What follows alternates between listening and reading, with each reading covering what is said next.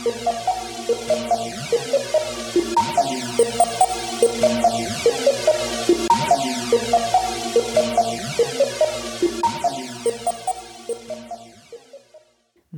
bij aflevering 11 van Moordzaken, de podcast.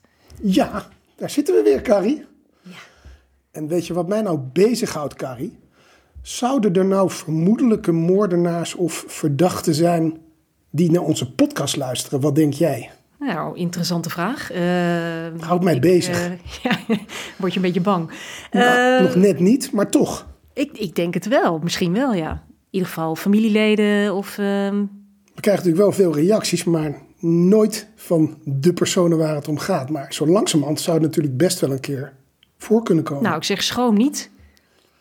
Laat het weten. Zoek Eddie vooral op. Nee, lieve Carrie. Ah, nou, Eddie. eh, ja, jongens, eh, we zitten hier weer. ehm, ik vond dit keer wel trouwens een erg eh, gruwelijke moord. Ik bedoel, alle moorden zijn gruwelijk, hè, daar niet van. Maar deze vind ik toch wel heel... eh, eh, nou, hoe zou je het omschrijven? De naam zegt het al. Ja, Spiritusmoord. De spiritusmoord. Op 23 mei 2006, 14 jaar geleden. Laten we maar eens even kijken. 2006. ehm, Wat gebeurde er toen? Wat gebeurde daar? De maand mei, daar eh, overlijdt een van Nederlands bekendste schilders eh, uit de moderne kunst. Jij weet het. Jij niet?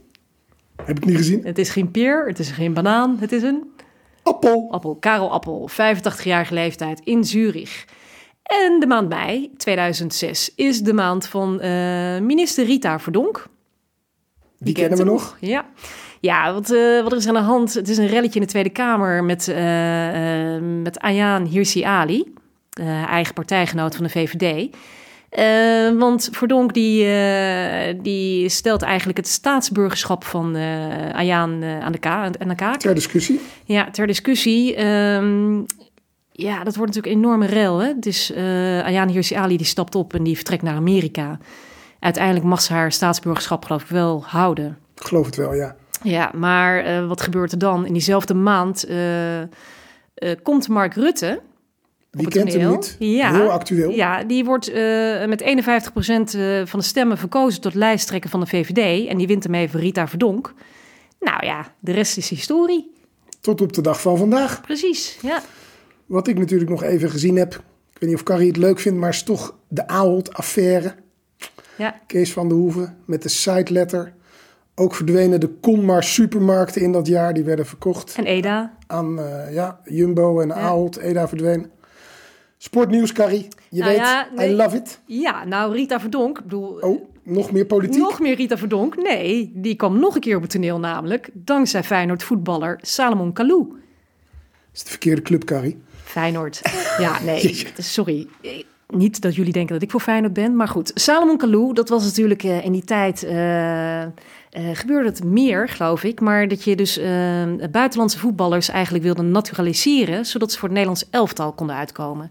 En Marco van Basten, die, die wilde dat wel met Salomon Kalou. Ja, want Ja. het WK van 2006 stond natuurlijk voor de deur in. Duitsland. Ja, ben er zelf nog... eh, maar Verdonk, die, die eh, stak daar een hele grote boomstam voor, want dat ging dus niet door. Dus Kalou die is toch maar weer gaan voetballen voor de Ivoriaanse elftal. Maar wat was bijzonder aan dat WK, aan de selectie althans, die bekendgemaakt werd. Onze grote vriend Huntelaar was de grote afwezige. Ja, de En, Hunt. en hoe actueel is het? Nou. Huntelaar ondertussen naar Schalke. ja. En ander sportnieuws, want ik ben eh, breed geïnteresseerd. Ik hou ook van Formule 1. Kijk ik zelfs met mijn dochters naar. Fernando Alonso, die wint eh, in die maand de Grand Prix van Catalonië, Barcelona. En hij wordt wereldkampioen in een Renault. En wat is nu het bijzondere? Dezezelfde Fernando Alonso gaat komend seizoen in een Renault weer rijden in de Formule 1. Alpine F1 gaat dat team heten. Ik ben reuze benieuwd na al die jaren of hij het nog kan. ja, 14 jaar later.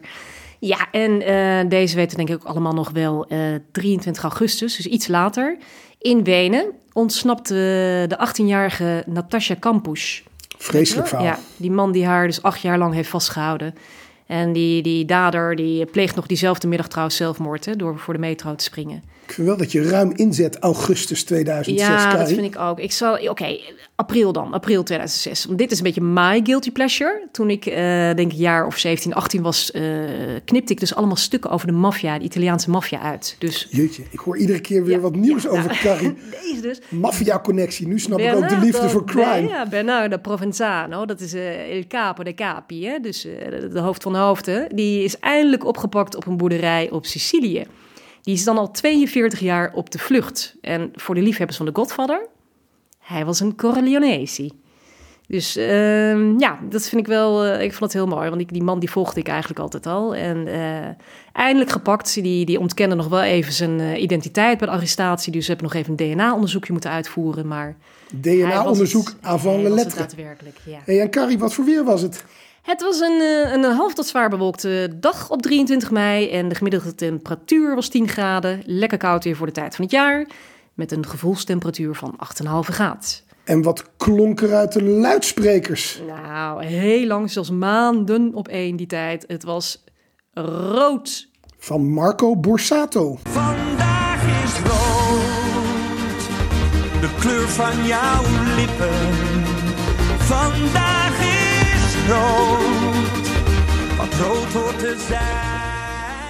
Ja, dinsdag 23 mei 2006. We gaan deze ochtend naar Arnhem. Specifieker een flat aan het Immeloplein in Malburgen-Oost in Arnhem. Want deze dinsdagochtend speelt zich daar echt een afschuwelijk drama af. Eh, een jonge vrouw die op dat moment in deze flat woonde met haar vriend... die is op gruwelijke wijze door brandstichting om het leven gekomen. En het gaat hier om de 19-jarige Melissa Ulrich. Nou, wat gebeurt er? Een Turkse buurvrouw hè, die schrikt van het gegil eh, naast haar. Volgens mij op nummer 10 of nummer 12. Nou, het Ja. woonde op nummer 10. Het was de Ja. buurvrouw van nummer 12. Ja, nou, wat doe je in zo'n situ- situatie? Die eh, even aarzelen, maar die waarschuwt eh, de politie. Het is dan 9 voor 11 in de ochtend als haar telefoontje binnenkomt bij de meldkamer. En ze hoorde ook, maak me niet dood. Ik wil niet dood. Ja, die politie die heeft dan iets meer dan 10 minuten nodig hè, om die flat eh, aan het Imloopplein in Arnhem te bereiken. Eén hoog staat dan vol rook. Die agenten die, eh, nou, die komen daar aan. En eh, de agent als eerste die, die komt op de tas daar binnen. Hij moet de deur intrappen. Precies, trapt die deur, die forceert die deur in. En eh, die vindt dan een zwaar gewonde jonge vrouw. En eh, die draagt ze naar buiten. Nou, dat lukt bijna niet. Hè? Je kan je voorstellen, het lichaam is natuurlijk zo warm. Eh, dus die Ja, laat of haar... eh, Dragen of ik heb zelfs trekken. Dat Ja, gebeurt die- in ieder geval met veel moeite. Precies, die laat haar dus door de hitte toch vallen. En eh, nou ja, ze proberen haar nog gerust te stellen. Maar het lukt allemaal niet meer. Praten lukt het meisje eigenlijk niet meer. En een half uur later overlijdt ze aan haar verwondingen. Ja, je moet bedenken, er zijn mensen die haar nog wel hebben zien lopen. Ze viel wel meteen neer, maar ze was niet, laat ik zo zeggen, Nee, ze was niet op slag dood. ze was niet op slag dood. Nee, ze heeft zich Eh, inderdaad brandend van haar slaapkamer naar de gang eh, weten te slepen. Ja, en ze is dus ter plekke overleden. Het blijkt uiteindelijk uit sectie dat het door inademing van eh, hete rookgassen gebeurd is. Ja, En de brand zelf in de woning, die, die schijnt niet zo heel veel voorgesteld te hebben. nee. Maar het is voor de politie dan nog eigenlijk nog wel een raadsel wat er gebeurd is. Ehm, nou ja, je kan raden hoe dat gaat. Hè? Dat is een buurtdrama. Bewoners staan natuurlijk buiten totaal aangeslagen bij. Ehm, nou, misschien Eddie, jij van het veldwerk, kun jij even vertellen wat voor buurt het is? Nou ja, ik doe natuurlijk altijd veldwerk, maar in dit geval is het een beetje lastig. Want de portiekflats die zijn afgebroken. Ik ben dus ook niet naar Arnhem gegaan. Die, eh, het waren nogal verouderde portiekflats eh, in die eh, wijk. Overigens ook niet de eerste, de beste wijk. Het is een van de bekende vogelaarwijken. Eh, en in 2008... Nou, misschien eh, even vertellen hè, van Ella Vogelaar. Ik denk niet dat iedereen het weet. nou, vertel jij maar. Eh, de Vogelaarwijk, ja, dat zijn een van de 40 probleemwijken in, in Nederland. Hè? Die zijn aangewezen in 2007. Dus dat waren echt de, de probleemwijken. Ja, en hier hebben ze dat misschien geprobeerd op te lossen door in ieder geval de, de verouderde woningen af te breken. Dus er zouden, en dat is ondertussen ook gebeurd, eens- eensgezinswoningen komen. Op dat moment was het in ieder geval niet een fijne wijk. Nee, nee. Eh, nou, er zijn getuigen natuurlijk die verklaringen afleggen. En inderdaad, wat jij al zei, de een die zag haar nog het portiek uitkomen. Ehm, ik, ik twijfel daarover, want ze zat één hoog. En volgens mij is gewoon het halletje van haar flat uitgekomen, maar niet meer naar beneden gekomen. Dus portiek uitkomen, eh, dat weet ik niet.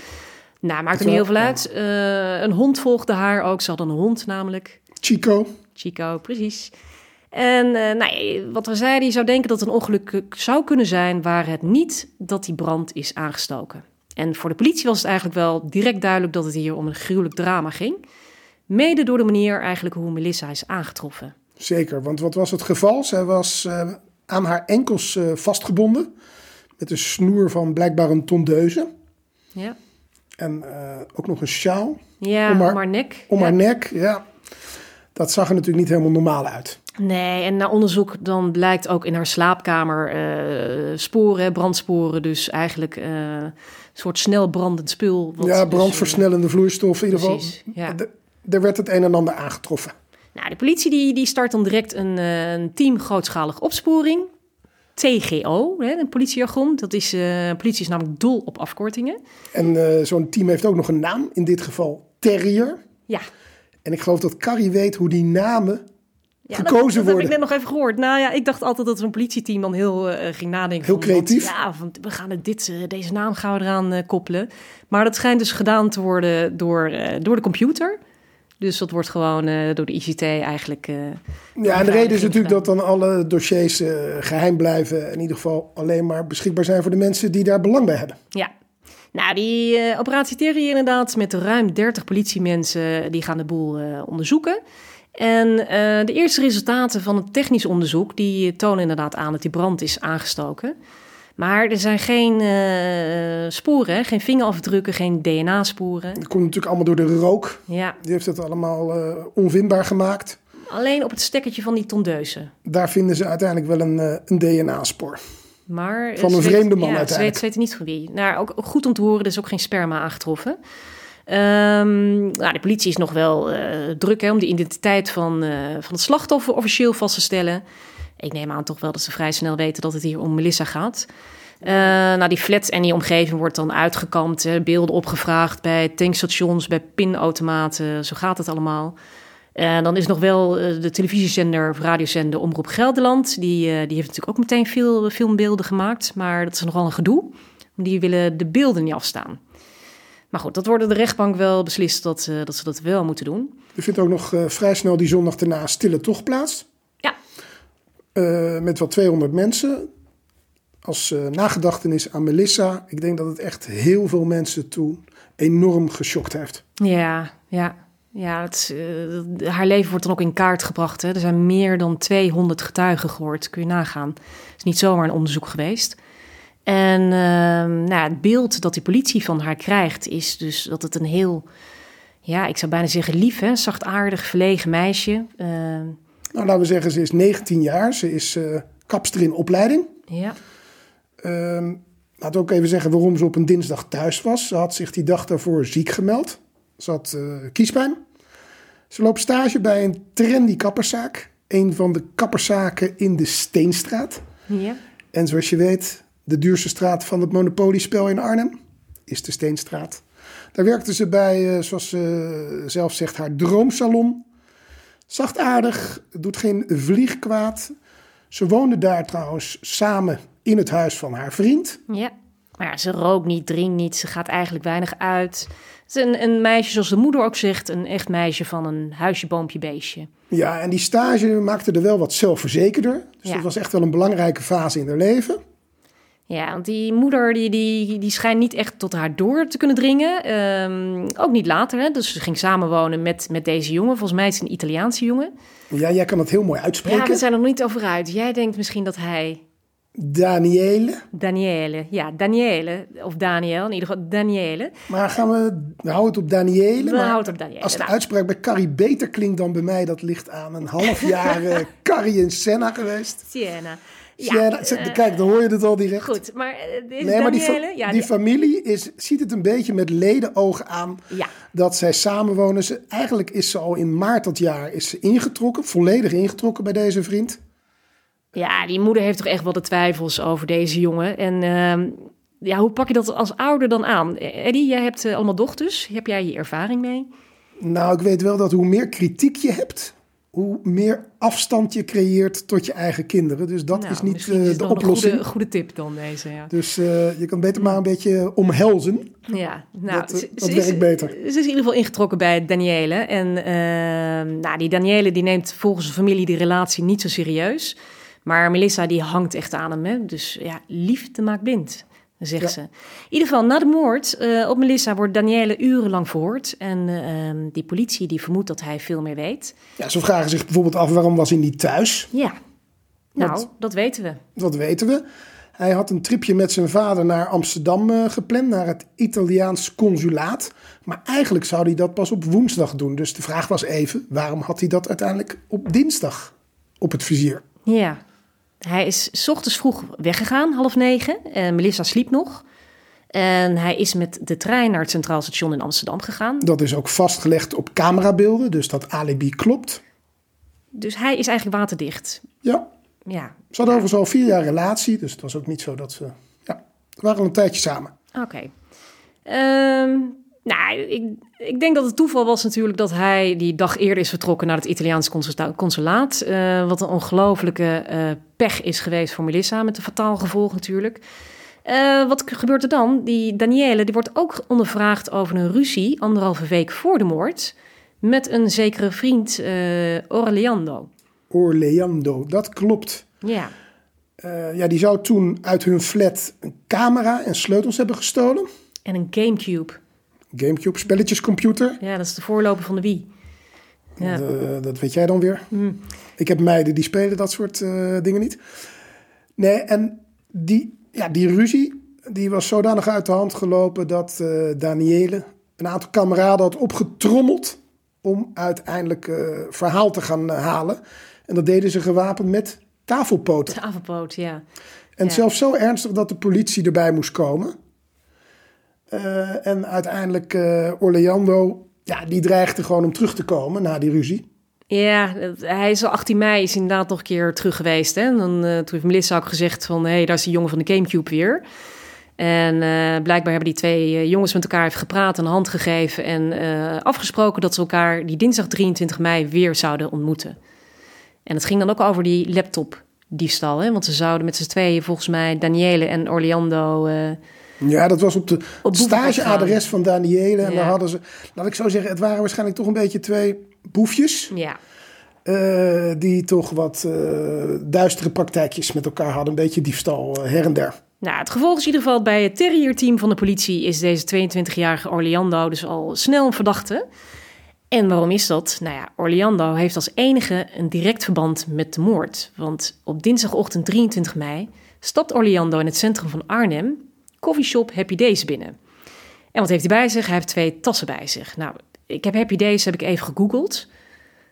Komt niet echt heel lekker uit de verf. Eh, vrij slechte rating deze coffeeshop. Maar ja, eh, stond niet op mijn bezoekerslijstje. Dus Ik wou net Eh, zeggen, Carrie, heb je, wat, wat, wat, wat wil je hiermee zeggen? Toch even kijken.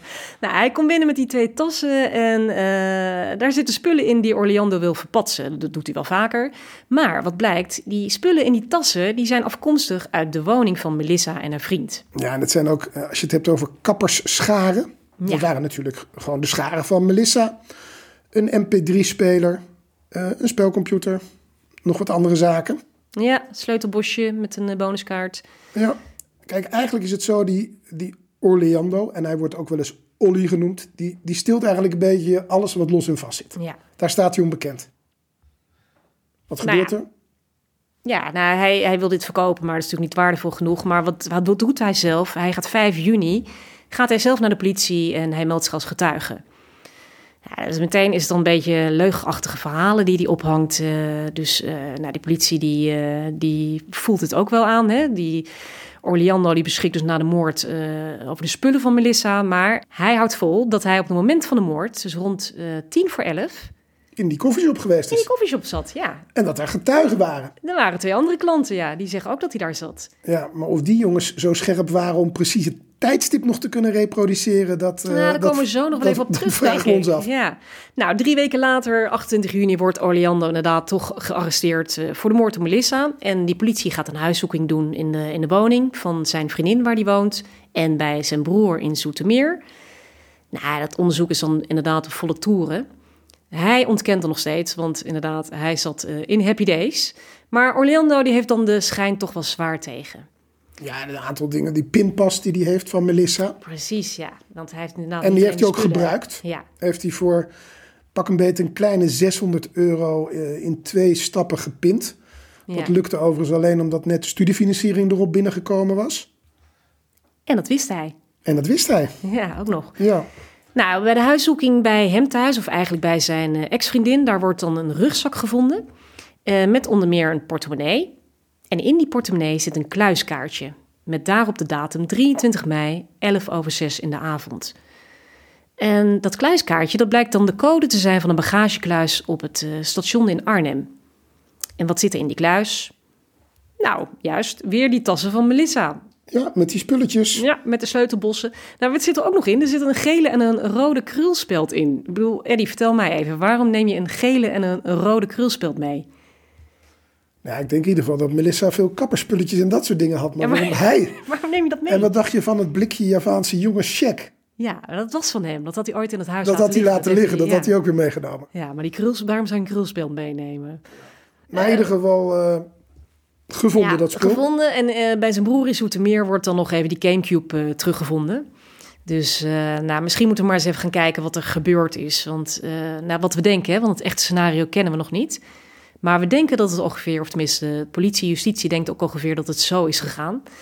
Orlando die had ruzie met Daniele, met de vriend van Melissa. En de politie verdenkt Orlando van inbraak in die flat. eh, op het moment nou, ja, dat er niemand thuis was, hè, dus die ochtend op een dinsdag. Nou, het kan eh, natuurlijk zijn dat hij niet wist dat Daniele er niet zou zijn. Want in principe hadden ze die dinsdag afgesproken. Ja, dus dat is, dat is nou, één scenario kan zijn, De verrassing is in ieder geval dat Melissa er is. En die had hij dus niet verwacht. Maar Melissa die ligt met, eh, met kiespijn thuis eh, op de bed. En eh nou ja, waarschijnlijk scenario is dat Orlando inderdaad met de sleutel die hij eerder gestolen heeft... dus die centrale deur van de flat opent. Hij loopt dan eerst naar de kelderbox. Is hij ook eerder geweest hè, om destijds spullen te jatten. In die kelderbox pakt hij een tafelpoot. Want eh, zoals we zeiden, ze hebben een hond Chico. Nou, ja, met die tafelpoot probeert hij die hond eh, een beetje ja, dat te schijnt houden. een, een goed afgerichte waakhond te zijn van Daniele eigenlijk. Dus dat is niet een, een klein keffertje, dat is een serieuze hond. Heb je een tafelpoot voor nodig? Ja. Heb je een tafelpoot voor Nou, nodig. vervolgens forceert hij op één hoog die voordeur. Eh, kost Schijnt niet, makkelijk te gaan. kost niet zoveel moeite.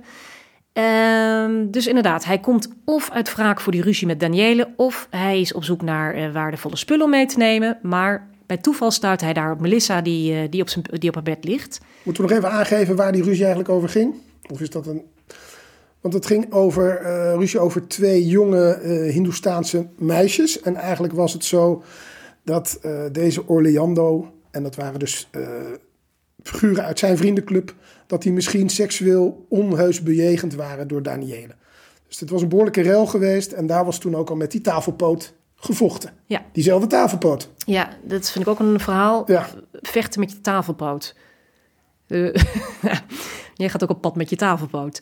Eh, nou ja, Melissa die ligt in ieder geval eh, met de kiespijn op bed. Die is al twee dagen ziek gemeld. En eh, nou, haar vriend die is dus weg naar, naar Amsterdam. Orlando komt die flat binnen, ontdekt daar Melissa. En nou, wat er toen gebeurd is, blijft onduidelijk. Maar hij bindt dus haar benen vast met elektriciteitsraad van die tondeuzen. En hij wikkelt dus de sjaal en een eh, onderlaak om haar hals. Ehm, hoe het gedaan is, dat is onbekend. En we weten ook niet of ze tegengeschibbeld heeft. Maar wat doet hij vervolgens? En dat is toch echt gruwelijk. Eh, hij besprenkelt haar lichaam en het bed met spiritus. En vervolgens eh, nou, steekt het aan. En haar buurvrouw heeft haar toen horen schreeuwen... maak me niet dood, ik wil niet dood. Nou, die Turkse buurvrouw die belt dus rond eh 9 voor 11 de politie. Ambulance is er daar een paar minuten over 11. Melissa overlijdt om vijf over half twaalf. Dus die brand moet ontstaan zijn eh, ongeveer... Ja, in het hele korte ja. tijdsbestek natuurlijk. Ja, die paar minuten voor 11 uur. ja. En eh, die brandhaard die lijkt dus dat tweepersoonsbed in de slaapkamer te zijn. Nou, er is nog een melding van een andere buurvrouw ook, hè, dat ze een vrouw had horen schreeuwen. Eh, een beetje een soort gelijk. eh, Er worden nog wat eh, scooters eh, gehoord die wegrijden door iemand. Ja, en dan twijfel ik aan, want dan hoor je dus meerdere scooters. En wat ik gelezen heb, is waarschijnlijk dat hij Eén- op de fiets... scooters. Ja, dat hij op de fiets is gekomen. Dus Eh, maar goed, blijkbaar eh, heeft Orlando deze tussentijd, hè, die paar minuten voor elf, eh, spullen meegenomen. Heeft de pincode ontfutseld van Melissa, de bankpasje bemachtigd. Ja, de vriend zegt wel dat als Melissa een vreemde vent voor de neus zou hebben staan...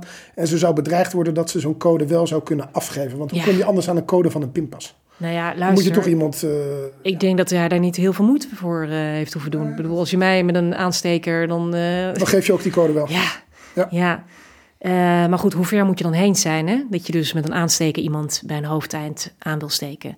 Nou, hij neemt die twee tassen vol eh, spullen mee. Hij ontvlucht die eh, flat. En dan is dan dus inderdaad de vraag... waarom heeft Orlando dit dan gedaan? Nou, dat is nooit duidelijk geworden. Nee, nou het is het scenario van wraak nemen op zijn vriend... naar aanleiding van de ruzie. Ja. En dat wilde hij misschien, ja, dat, wilde hij misschien door in te breken. Of door uiteindelijk de vriendin. Ja, daar komen we misschien nog op terug, hè, de motief.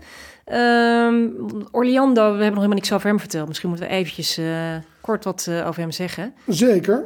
Orlando die was eh, op jonge leeftijd naar Nederland gekomen. Surinaamse afkomst. En ja, was toch al een beetje op jonge leeftijd een probleemjongere. Om het voorzichtig uit te drukken. Dat betekende ook op een gegeven moment dat hij op school, het, eh, vanaf zijn veertiende, het ging heel beroerd met hem. Eh, en eigenlijk herinnerde hij zich nog het goede leven in Suriname. En het was zelfs zo, zijn grootvader was overleden in 97. Dat was een schokkende gebeurtenis voor hem. Hij ging al jong naar coffeeshops, had agressief gedrag. En eh, op school kreeg hij uiteindelijk nog contact met zijn vader. Eh, die woonde nog in Suriname. En het was zo, want hij was samen met zijn moeder naar Nederland gekomen... dat hij op kosten van school nog drie maanden naar Suriname geweest is. Ja, dat was in een jaar of 14. Hè? Ja, rond zijn veertiende jaar. Nou, toen hij terugkwam, leefde hij vooral op straat. Eh, misschien had hij zelfs een meisje voor zich werken. Eh, hij kwam natuurlijk al snel in een, in een hulpverleningscircuit terecht. Hij handelde in drugs. Handelde in allerlei vervelende zaken. En uiteindelijk kwam hij terecht bij de Glen Mills School. Dat was eigenlijk een nieuw fenomeen uit Amerika. Waarbij probleemjongeren eh, helemaal aan de hand worden genomen om allerlei zaken te leren. Had hij onder andere opleiding tot eh, tentenbouwer. Eh, hij, hij, hij leerde bewaking, portier. Hij leerde allerlei zaken. Een soort heropvoedingsschool. Ja, hij kwam zelfs nog op televisie met de Surinaamse trommelband. Ja. Hè? Het gaat om de details. Ja. Ehm, Hij is Nou, alleen eh, continu stoned. hij, is, eh, hij is redelijk van het pad af. Hij ontmoet dan ook zijn vriendin op dat moment, Tanja, in een koffieshop. Ehm, en eh, vrij snel daarna raakt Tanja ook zwanger. in Ja. 2005. En een jaar later, 22 mei, dus dat is de dag voor de moord op Melissa, krijgt hij ruzie met Tanja. En Tanja wil hem het huis uitzetten. Nou, dat En hij dreigt dan, volgens mij, door te zeggen: Ik steek je in de fik. precies, daar is hij ook voor veroordeeld. Een taakstraf van 60 uur heeft hij gekregen. En Tanja die verklaart dan ook dat Orlando een passie had voor vuren. Dus eh, blijkbaar is er een uitzending geweest van Peter R. de Vries over die Maya Braderic. Een totaal andere zaak. Maar, Ja, maar wel met die- overeenkomsten. Ja, en hij had heel aandachtig zitten kijken. Dus hij heeft toch een fascinatie waarschijnlijk gehad voor, eh, voor vuur. En misschien kunnen we dan ook wel stellen dat Melissa Ulrich misschien wel een tweede Maya Braderic is. Eh, dat was die Nijmeegse scholier, hè, 2003. Zelfs toen gewurgd en in brand gestoken en eh, achtergelaten in, eh, in de Waal, bij de Waal ergens. Ja, en Orlando heeft ook eh, thuis een beveiligingsboek waarin uitgebreid beschreven staat hoe je vuur moet maken. Ja, Dus die fascinatie voor vuur, die lijkt er toch te zijn. ja het is alleen één groot verschil hè, met, met die zaak van Maya. Dat is, nou ja, ze zijn allebei jong en, en een onschuldig slachtoffer. Alleen bij Maya Braderic, ja, ik kan het nog heel goed herinneren, eh, was natuurlijk een enorme ophef. Hè? Dus eh, in Nederland ook. Ik weet dat eh Balkenende, de premier destijds, die, die noemde die moord op Braderic het dieptepunt van het jaar 2003. Maar Melissa heeft die aandacht niet gekregen, dus dat is toch wel een verschil. Ik bedoel, wel die stille, tocht vijf dagen later, maar ze heeft nooit die, die aandacht gekregen die, die Maya Braderic dus wel destijds had. Misschien maar goed dat we er een podcast over maken. Nou, dat vind ik wel. Ik vind wel dat zij inderdaad ook eh, dat zij herinnerd moet blijven. Het is gewoon een gruwelijk verhaal. En deze zaak ook, ja. Nou, Orlando die zit vast en die blijft kronkelen in zijn verklaringen. Dus eh, daarmee denkt hij, eh, of denkt hij niet, maar de politie die verdenkt hem natuurlijk extreem. En ehm, nou, ja, wat heeft hij gedaan? Het is waarschijnlijk ook niet een hele, hele slimme kerel. Hij meldt zich 5 juni als getuige. En hij heeft toen eh, verteld of geschreven dat, eh, uit eigen bewegingen dat er een tafelpoot in de slaapkamer van de flat van Melissa ligt. En mocht het zo zijn dat die poot eh, vingerafdrukken van hem heeft, dan kan het kloppen. Hè, want die zijn toevallig opgekomen bij een eerdere ruzie. Maar het bijzondere is natuurlijk dat alleen de dader kan weten dat die tafelpoot in die slaapkamer ligt. Want die tafelpoot ligt eigenlijk gewoon in de kelderbox. Ja, dit Dus- is daderinformatie. Dit, dit kan alleen maar de dader weten dat die tafelpoot... En wat wil nog helemaal? eh, er zijn dus helemaal geen sporen van hem op die tafelpoot gevonden. Dus ja, het is. Maar goed, eh, nog een dommere actie, waarmee hij zichzelf dus helemaal bijlapt. Is het moment, hij zit dus al vast hè, eh, eh, en hij is dan op het politiebureau voor verhoren. Hij ga- gaat vervolgens even een luchtje scheppen. En daar op die luchtplaats ontmoet Orlando een andere gevangene. Nou, Orlando die vertelt wat details over de moord. eh, het zijn niet de minste geringste details. Zo vertelt hij dat de brand niet in de woonkamer begon, maar in de slaapkamer. En dat de brand niet met benzine, maar eh, met spiritus is aangestoken. Hij maar wat hij niet weet, Hij weet zelfs dat het een blauwe spiritusfles is. blauwe, maar wat hij niet weet is dat dat een informant is Nee, dat is van de politie. oud foefje van de politie inderdaad. Ja, undercover agent eh, A1677. Ja, dus die, specifieke informatie was nooit door de politie eerder vrijgegeven. Ook dadenkennis. En eh, nou, dat wordt later dus in de rechtbank aangemerkt als informatie die alleen Orlando kon weten. Ehm, die spiritusfles, hè, die heeft hij overigens niet zelf meegenomen. Die stond in de keuken. Die had eh, de schoonmoeder van Melissa daar achtergelaten. Nou ja, Orlando die zit al een tijdje vast. Eh, inmiddels is het november. Dan komt de zus, Nancy. Die komt ook in het huis van bewaring. Die wordt afgeluisterd. En dan begint Orlando weer over de blauwe fles spiritus. Nou, hij beweert zelf dat hij dat van de politie heeft gehoord. Maar Orlando die zegt in het gesprek... eh, kijk, in het onderzoek hadden ze mij gevraagd naar een blauwe fles, weet je.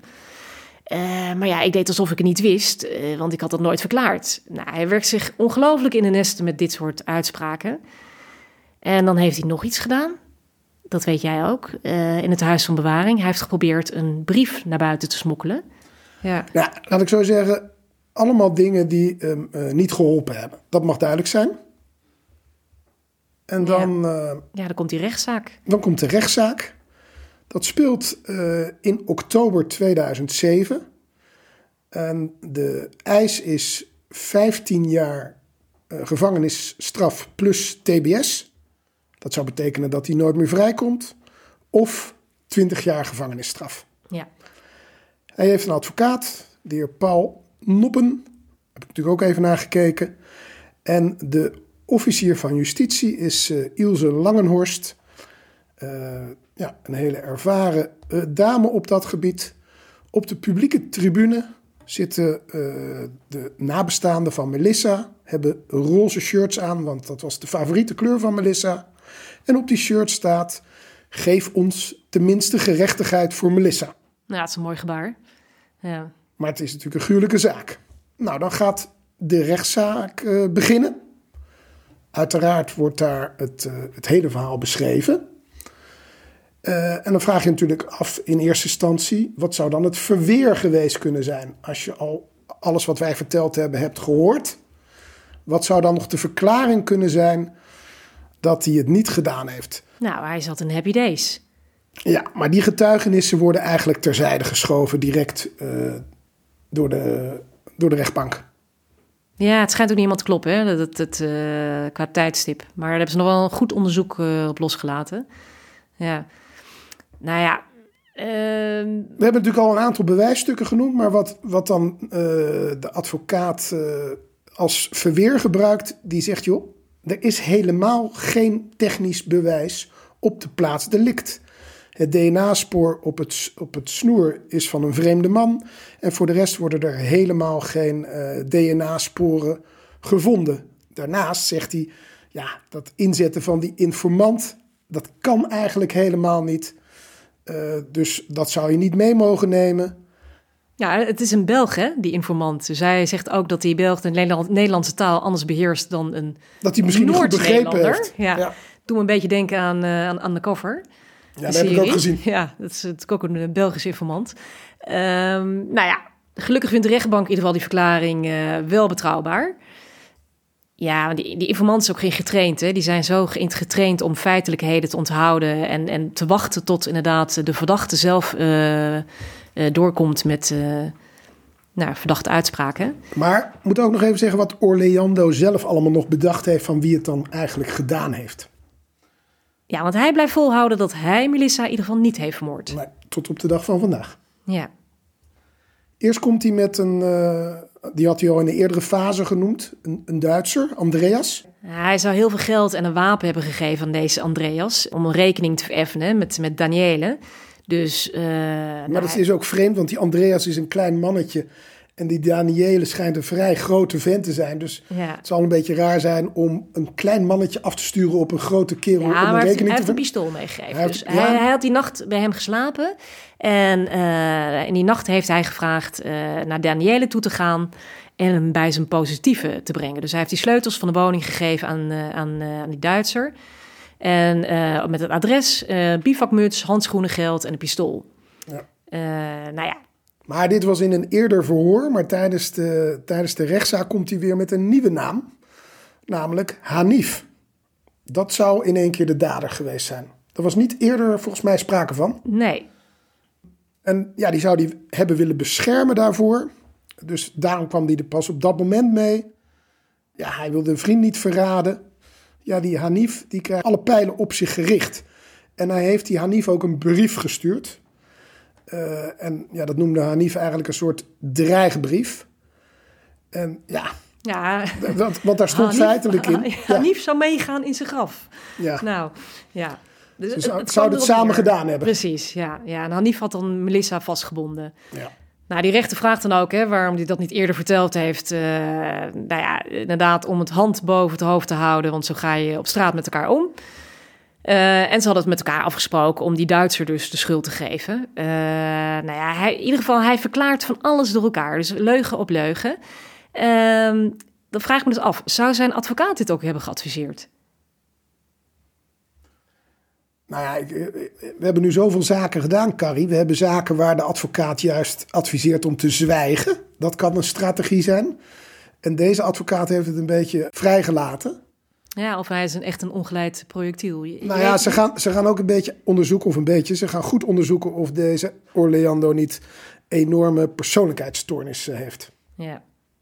Nou, die, die Pieter Baan Centrum die wil uiteindelijk geen uitspraak doen over het mogelijke verband tussen de persoonlijkheidsstoornissen en Carrie heeft al gezegd, narcistisch, et cetera, en deze daad.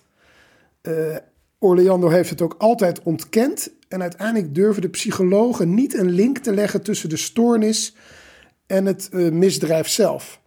Hij wordt natuurlijk wel omschreven, Orlando, als een enorme leugenachtige figuur, kil en gewetenloos. Maar uiteindelijk dus niet. eh, Het is niet aan de misdaad te koppelen. nee, Nee. Nee, en misschien nog even goed vertellen wel trouwens dat die Duitser en die Hanif, hè, die hebben allebei een eh, alibi. Dus dat jullie denken van misschien zou dit wel of niet gedaan kunnen hebben. Die, eh, die hebben het in ieder geval niet gedaan. Die Hanif heeft trouwens nog wel een tijdje vastgezeten. Vanaf juni, juni tot oktober inderdaad. Ja. ja. Maar ehm, ja, het, het- DNA op die tondeuze is eigenlijk ook nooit eh, duidelijk geworden van wie het is. Eh, maar dat doet er ook niet toe, want er zijn zoveel roetsporen dat enigszins het DNA, als het wel van zijn gewe- zou zijn geweest, of op hebben, zou hebben gezeten, dat het in ieder geval door het roet weg is. Ja.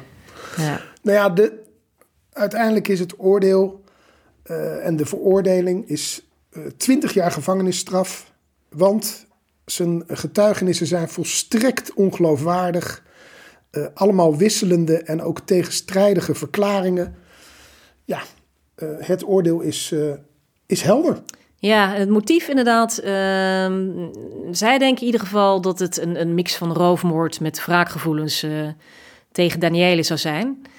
En nou, het OM zei inderdaad dat hij dus nog gefascineerd was door vuur. Dat is niet eh, duidelijk gekomen bij Pieter Baan Centrum onderzoek. Hebben ze niet gezegd in ieder geval.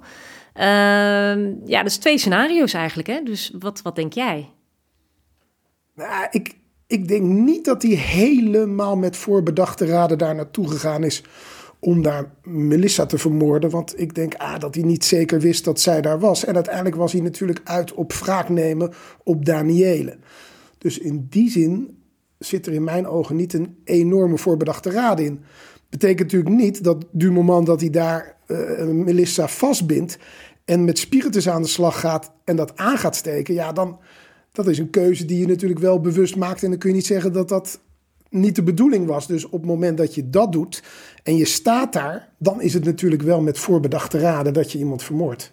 Dus ja, ik denk ook echt, hij, ik denk echt niet dat hij haar daar uh, zou aantreffen, dat hij dat gedacht had. Want uh, anders neem je je spullen vooraf mee. Ja, het is wel die tafelpoot, maar ja, dat was je gaat niet met, met de tondeuze snoer wat daar toevallig voorhanden is en spiritus wat daar al stond. Uh, dus dat is op het moment zelf is dat echt wel bedacht. Maar hoe ziek ben je? Waarom zou je dit in godsnaam doen? Denk, als Melissa een heel lief, zachtaardig meisje is, zij zal niet tegenstribbeld hebben, denk ik. Of, nou ja, je zegt het zelf, hoe ziek, hoe ziek hoe, zou je moeten of zijn? Hoe stoned ben je? Ja. Dat, uh, ja. Maar wat een beetje opmerkelijk is, dat hij dus eigenlijk in beginsel niet in hoger beroep gaat. Uh, en later, als het eigenlijk te laat is en die termijn verlopen is, dan wil hij alsnog in hoger beroep. Dat speelt in uh, april 2008. En dan geeft hij aan dat hij gedwongen was geweest door een medegedetineerde uh, om een brief te schrijven aan justitie en daardoor niet in hoger beroep gegaan. En die advocaat probeert nog te onderzoeken of dat achteraf nog wel mogelijk is. Want hij heeft natuurlijk tot op de dag van vandaag altijd ontkend. En uh, die advocaat heeft gezegd dat er geen technisch bewijs was. En wij hebben ondertussen gezien, Carrie, dat in de meeste zaken, zeker dit soort gruwelijke zaken, er toch een hoger beroep plaatsvindt. Maar hoe moet ik dat zien? Want uh, ik heb het ook gelezen, uh, zoals meerdere, dus medegevangenen die hebben hem gedwongen niet in hoger beroep te gaan. Hoe, hoe moet ik dat zien? Is, is hij dan bedreigd in, uh, in Arnhem, in in de gevangenis? Of... Ja, kijk, het kan natuurlijk ook zijn dat die advocaat inderdaad dacht van... nou, dit is zo'n kansloze exercitie. En ja, deze toch labiele Orlando... ja, die heeft misschien niet op tijd gereageerd binnen de termijn... om te bedenken of die nou wel of niet in hoger beroep ging. Ja, en op een gegeven moment kan dat niet meer. En ik vraag me af of die medegedetineerden daar nou zo'n grote invloed op hebben gehad. Dat begrijp ik ook niet. Nee. Nee, nou ja, die komt nog wel een keer in beeld, hè, 2017, uh, in een filmpje van Omroep Gelderland. Hij heeft namelijk, uh, dat zijn er meerdere gevangenen daar in Arnhem, hij heeft de sleutel van zijn eigen cel. Nou, hij is dan te zien in interviews, zijn stem is ook te horen, wat natuurlijk ongelooflijk confronterend is voor, uh, voor de familie, voor de nabestaanden, die niet op de hoogte waren hiervan. Betekent wel dat hij zich dus goed gedraagt in de cel. Hè? Want je krijgt alleen die sleutel als je dus, goed gedraagt. Um, en die nabestaanden, die hebben dus nog een keer contact met hem gehad. Want die kregen jaren geleden een bericht van hem... dat hij hun wilde spreken in de gevangenis. Hè? Die zijn dus na lang nadenken hierop ingegaan. Dat was, niet zo, dat was niet zo fijn, geloof ik. Dat was nee, niet zo'n succes. Ja, ik begrijp het ook wel. Je, je aarzelt eerst, je gaat daarop in... want je hoopt dat hij dan eindelijk met dat verhaal komt... en dat hij eindelijk gaat, uh, bekennen. gaat bekennen. Ja. ja. Nou ja, dat hadden ze dus inderdaad beter niet kunnen doen. Uh, want weer allemaal leugens. Hij uh, zei dat ik er wel bij geweest was, maar dat hij het niet gedaan had. En uh, ja. dat, dat moet niet een fijn gesprek geweest nou, zijn voor die nabestaanden. Nou, enorme teleurstelling, enorme mokerslag. Ja, en dan komen we natuurlijk op het feit dat ondertussen Orlando bijna weer vrij is. Want in Nederland is het nog steeds zo dat er sprake is van vervroegde invrijheidstelling als je je goed gedragen hebt. En dat betekende eigenlijk dat in februari eh, 2020 Orlando vrij zou komen. Het Openbaar Ministerie wilde dat eigenlijk tegengaan. Die vond dat toch niet een, een hele fijne gedachte. Want uiteindelijk, er zijn allerlei persoonlijkheidsstoornissen wel vastgesteld. Maar uiteindelijk zijn die eigenlijk ja, een echt onderzoek naar hoe die kerel in elkaar steekt, is er dus niet geweest. En dan zou je dus iemand vrijlaten die gewoon nog niet goed onderzocht is. Nou, het Openbaar Ministerie wilde dat dus tegengaan. En in februari vorig jaar is daar een uitspraak van de rechtbank in geweest. En die heeft dat verzoek afgewezen. Die hebben gezegd: er is geen recidive gevaar. En in de uh, penitentiaire inrichting heeft men een positief advies gegeven over de vervroegde invrijheidstelling. Want Orlando heeft grote vooruitgang geboekt. En ja, een persoonlijkheidsonderzoek is dan niet nodig. Ja, het is best wel heftig ja. uitspraak. En die, die, die, die nabestaanden hebben die trouwens ook, in, de, in de krant moeten lezen. Ja, die werden verrast. Die moesten dat in de krant ja. lezen. Die waren daar totaal niet op voorbereid. Ja. En wat ze dan wel zeggen in die uitspraak is... ja, er moet wel geschikte woonruimte voor hem zijn. hij wil nog bij, bij zijn verloofde gaan wonen... maar die, die was toevallig net daarvoor overleden. Oh, dat heb ik dan Ja, weer niet gezien. Ja, nou, Carrie is ik- toch wel een superspurnaar. Nou, ik dacht meer welke verloofde en wanneer heeft hij die verloofde opgeduikeld? ja, in die, al die jaren die hij in de gevangenis Die heeft gezeten. Precies, ja. Nou ja. Nou, hij- uiteindelijk, uiteindelijk vinden ze dan een geschikte woonruimte. Dan hebben we het over 12 juni eh, 2020. Dat was dus afgelopen jaar. Hij gaat naar het eh, forensische psychiatrische afdeling van het... Ja, weten we dat? Want ik heb alleen maar gelezen dat als er een bed beschikbaar is, dat het kan. Ja, dat hij daar op een laat ik zo zeggen, ik heb, staat. dat, ik heb die bevestiging ook niet gelezen. Nee, en ik zat ook te denken, eh, het afgelopen jaar, wat is er natuurlijk gebeurd? Nog steeds. We zitten in een coronaperiode, dus ik, eh, ik weet niet of dit daadwerkelijk gebeurd is. Het zou dus ook nog kunnen zijn, Carrie, dat hij al op vrije voeten Nou, rondloopt. dat is dus onze vraag. Wij weten dus, dus niet eigenlijk waar Orlando op dit moment is. En Nee, dat, is ook, dat is ook vraag twee dan, of eigenlijk de tweede opmerking. Ehm, hoe zit dat inderdaad met de invrijheidstelling? Maar ik ben een beetje gaan speuren, Carrie, of je dan eigenlijk een nieuwe identiteit krijgt. En dat is volgens mij niet zo. Je hebt niet recht op een nieuwe identiteit als je na zoveel jaar uit de gevangenis komt. Nee, Dus- dat is ooit gebeurd wel bij die moordenaars van James Bulger, weet je nog, in, in Engeland. Dat is, Dus- lang, dat is lang geleden. Ja, maar ik denk dat dat gebeurt dus alleen als jouw veiligheid zodoende in gevaar komt eh, dat dat nodig is. Nou, dat is in dit geval natuurlijk niet nodig. Nee, maar is de veiligheid van de mensen in de omgeving van deze Orlando Nou. wel gewaarborgd? Ik denk dat dat een veel belangrijkere vraag is. Nou, een dilemma, ja. Ja, en ja, heeft deze man dus lang genoeg in de gevangenis gezeten? Ja, een feit is natuurlijk dat bijvoorbeeld de moeder van eh, Melissa, maar ook de broer Jeffrey, ja, die hebben natuurlijk eigenlijk ook levenslang, of tenminste, die hebben wel levenslang gekregen eigenlijk door het verlies van hun zus en van hun dochter. Eh, ja, het is natuurlijk vreselijk. Ik bedoel, eh, hoe erg is het als je kind vermoord wordt? En ja, of het nou per ongeluk toeval was, maar het is natuurlijk gewoon een bewuste daad geweest. Ja, dat, dat lijkt me ondraaglijk, eh Carrie. Gelukkig eh, is er wel een mooi monument gemaakt voor eh, Melissa. Dat was al in 2011. Ja, exact vijf jaar na haar moord. Ja, hebben ze op die plek waar wat toen al afgebroken was, die portiekflats, hebben ze een mooi veldje gevonden. Hebben ze een heel mooi mozaïek gemaakt in de vorm van een hart. Eh, allemaal een beetje in de, in de lievelingskleur van Melissa. Eh, dat was roze met veel spiegels. Eh, spiegels hield ze ook van, zoals de kapster. Keek vaak in de spiegel. Maar ja, wat vreselijk voor deze nabestaanden. En ik kwam er gelukkig achter, Carrie, dat er een vereniging is voor ouders van een vermoord kind. En dat zijn er schrikbarend veel. Gaat het eigenlijk om 140 omgebrachte kinderen. die een kind door moord of doodslag zijn verloren. En dat is heel belangrijk dat zo'n vereniging er is. Want Ja. uiteindelijk ja, kun je eh, steun en troost bij elkaar vinden. Maar ook de belangen kun je natuurlijk gezamenlijk behartigen. Want dit is natuurlijk iets wat je levenslang met je meedraagt. Nou, dan deze podcast dus ter nagedachtenis eh, van Melissa. Zeker, Carrie. Fijn dat jullie weer geluisterd hebben. En als jullie ons willen volgen, dat kan nog steeds op Instagram of Twitter. Moordzaken, de podcast.